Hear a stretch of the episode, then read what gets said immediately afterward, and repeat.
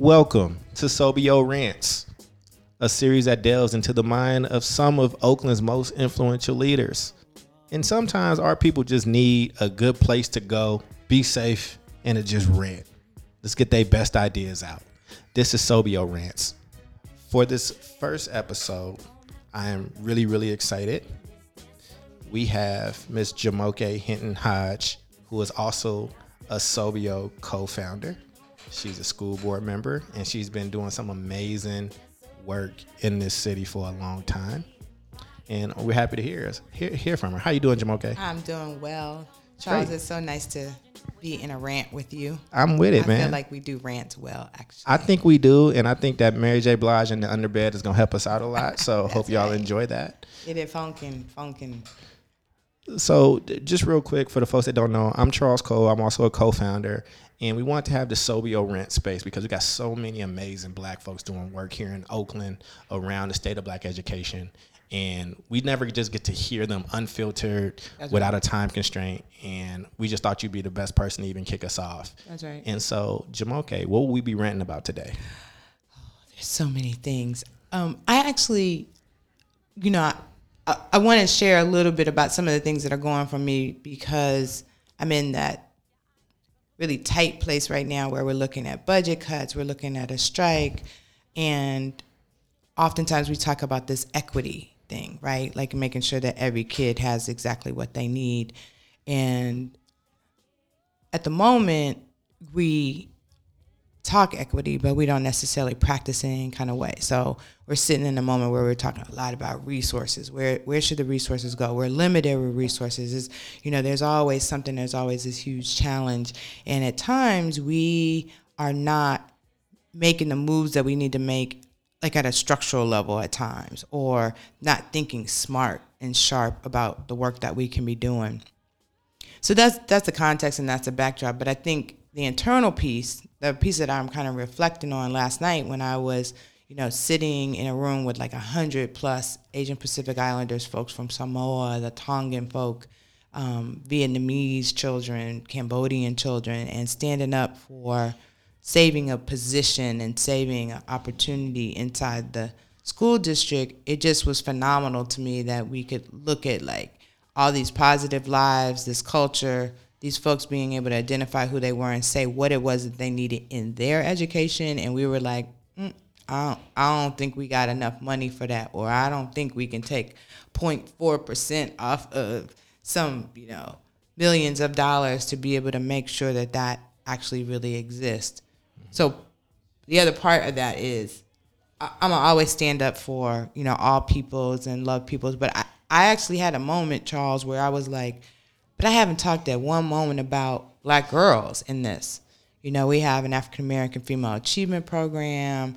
It's MBK all up in Oakland right now, so it's all about the black men. I love me some black men, no doubt about it.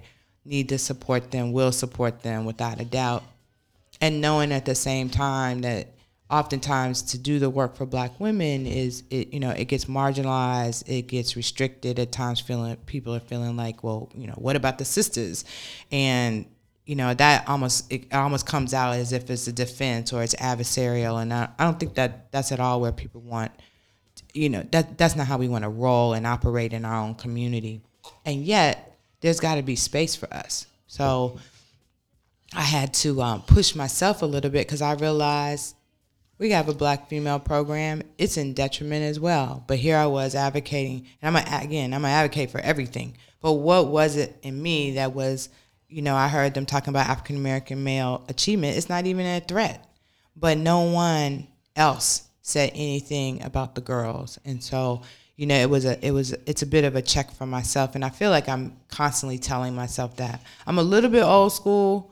Um, and so I I grew up, you know, in a feminist type movement that I got turned off on really early on because it was white women for the most part that were leading and driving the conversation and the dialogue and the intellect.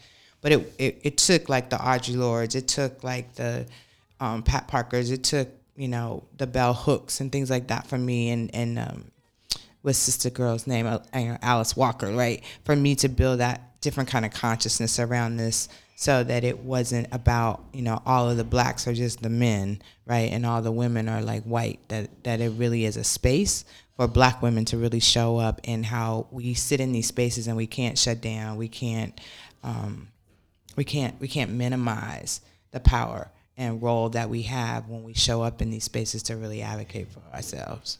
That's interesting. So when you thinking about that moment and you have to make that decision can you talk a little bit more about what was bubbling up for you? Like, what did that realization feel like? Right, right. Well, I mean, this is another part of the rant around like, what does it feel like to even be a black female leader inside of Oakland? And you can just get walked on, talked about, you know, disrespected. I mean, how many spaces have I been in, you know, at the school board meeting where, I mean, literally people have like told me to shut up, you know, from people sitting on the desk next to me, right? People that I'm in governance and leadership with, and gonna tell me to shut up. Like, what what is that about? I right? mean, well, let's let's get into that, right? Like, I mean, I, so kudos to you for choosing Mary J. Blige for the underbed. for your, she's definitely someone of, of, of that spirit and elk, but like so talk to me about that. What I mean, what has you? How long have you been on the school board? I've been on the school board for ten years, and so what has that experience been like being the black woman on the school board? Just this is your space, well, uninterrupted. So yeah, well, starting out, it was one of those things. Just to even run was no one even thought to ask me, or even thought. I think you know it's funny because I think I think the black women at that particular time, this is very interesting. I hadn't really thought about it until right now. The the black women that were actually um, you know, seen in some leadership roles, at least on the board, let me just say in that space was like the grandmamas, right? Those were the women that were actually being supported. You know, they had they were strong in their churches, you know, they were strong activists, right? But they were like, you know, they were like in their 50s and 60s and had a really different kind of like approach to the work, right?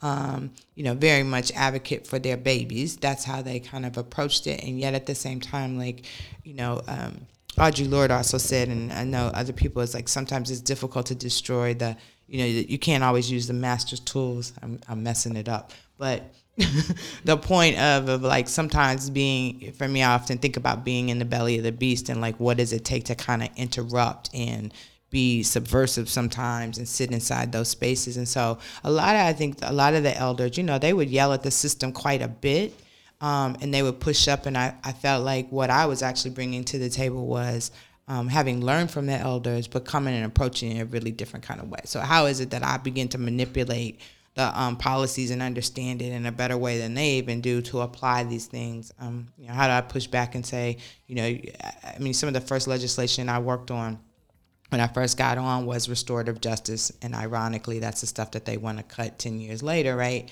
But it was you know, me even feeling like this is the work that's gonna be interrupting, you know, the the, the disproportionality of like having our babies be suspended all the time. And again looking as black boys and black girls. Um, so you know so I, yes yeah, so i think that i showed up and i see a lot of sisters alongside of me that are showing up wanting to be like strong policymakers wanting to be able to define what the playing field should look like um, and changing that in that particular kind of way. But but you get you get no props, right? You get no respect really around any of that, and it's and I mean it's just straight up raw, disrespectful. Um, and you know, and again, I tend to find. Well, I was gonna say I tend to find it with men, but you know, it's and most recently it was an elder, and you know, and I find it with black folks, right? You know, black folks. I mean, literally, someone just recently told me that I was not black enough. Like, they questioned my blackness, and I was like, oh for real you know to sit in that space um, to sit in that space and um, watch a school district whether it's you know or a school district but then when we talk about the charter schools or whatever we talk about systems that are not educating our children. And i rarely hear people actually talk about black children they talk about low income kids. They talk about kids that are not learning, but no one calls out and says these are black children that are not getting what they need. They are black children in the state of California that are at the lowest of the rung, right? So the idea that someone would say some kind of way I'm not an advocate for black children. I mean, you can just the number of times it comes out my mouth, you know what I mean, compared to someone else. And I would I would say I, have been told at different times, don't raise that.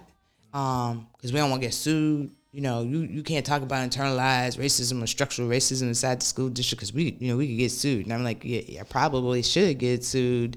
And then, you know, to have a brother, you know, a colleague, you know, after someone tells me to shut up and is incredibly threatening to me and over talking me to then tell me to like chill out, you know, to tell me uh, that that um, that I you know I need to check myself. And I I, I, I find that utterly disrespectful and unacceptable. And you know quite frankly I'm an elected official right? Like I mean there's a there's an honor and a privilege in that and a responsibility that I have that I represent people that you know took um, had some faith and some expectation of me right of like driving this work and doing this particular work. So you know the the idea that you can just cuz say any old thing to me cuz you think I'm elected and you you may or may not have voted for me. You may or not have even given me a campaign contribution but you don't get to talk to me like that in any old kind of way. And I think there's um I, I've actually frankly never really seen anybody really go in on any um any brothers in that particular kind of way. So um you know, I think I think that there's ways that we, as sisters, we definitely need to um, make sure that we're protecting ourselves when we walk into these roles. But we should most definitely sit on these boards and um, be elected and change change the dynamics.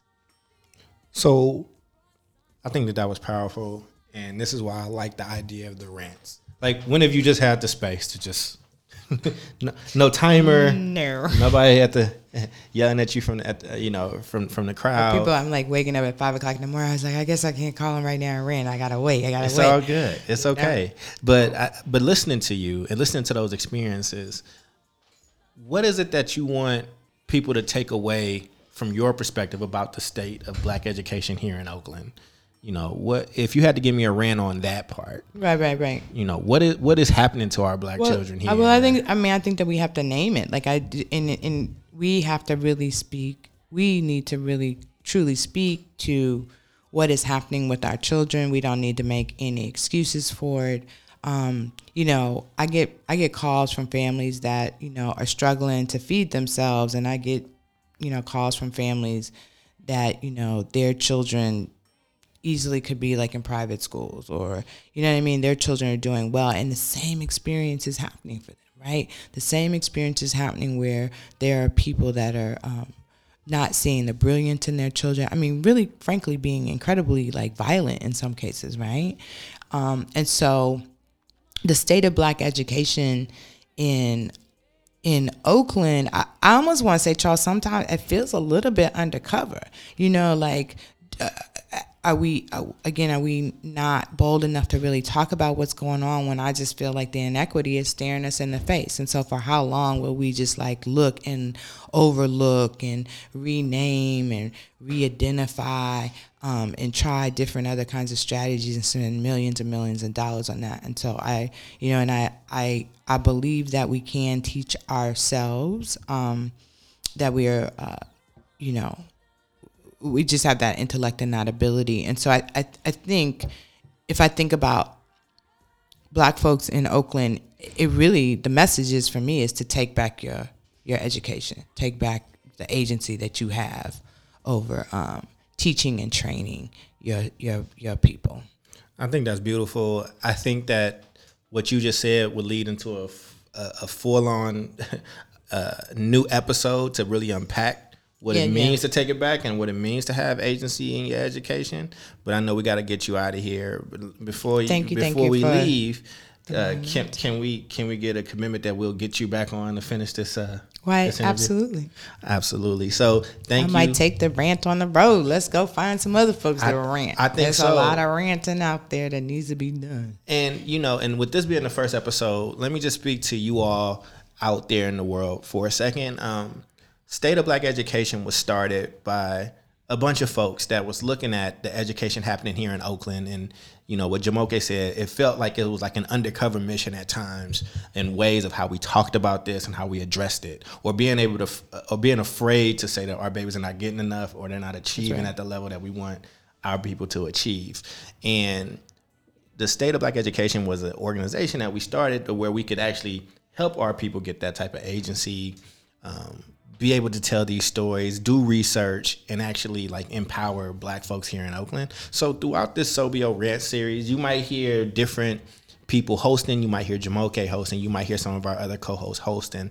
But our goal that we're trying to achieve here is to lift up the voices that are here in Oakland, trying to really change things for this community. So thank you for supporting us. We hope that you continue to come back and support us.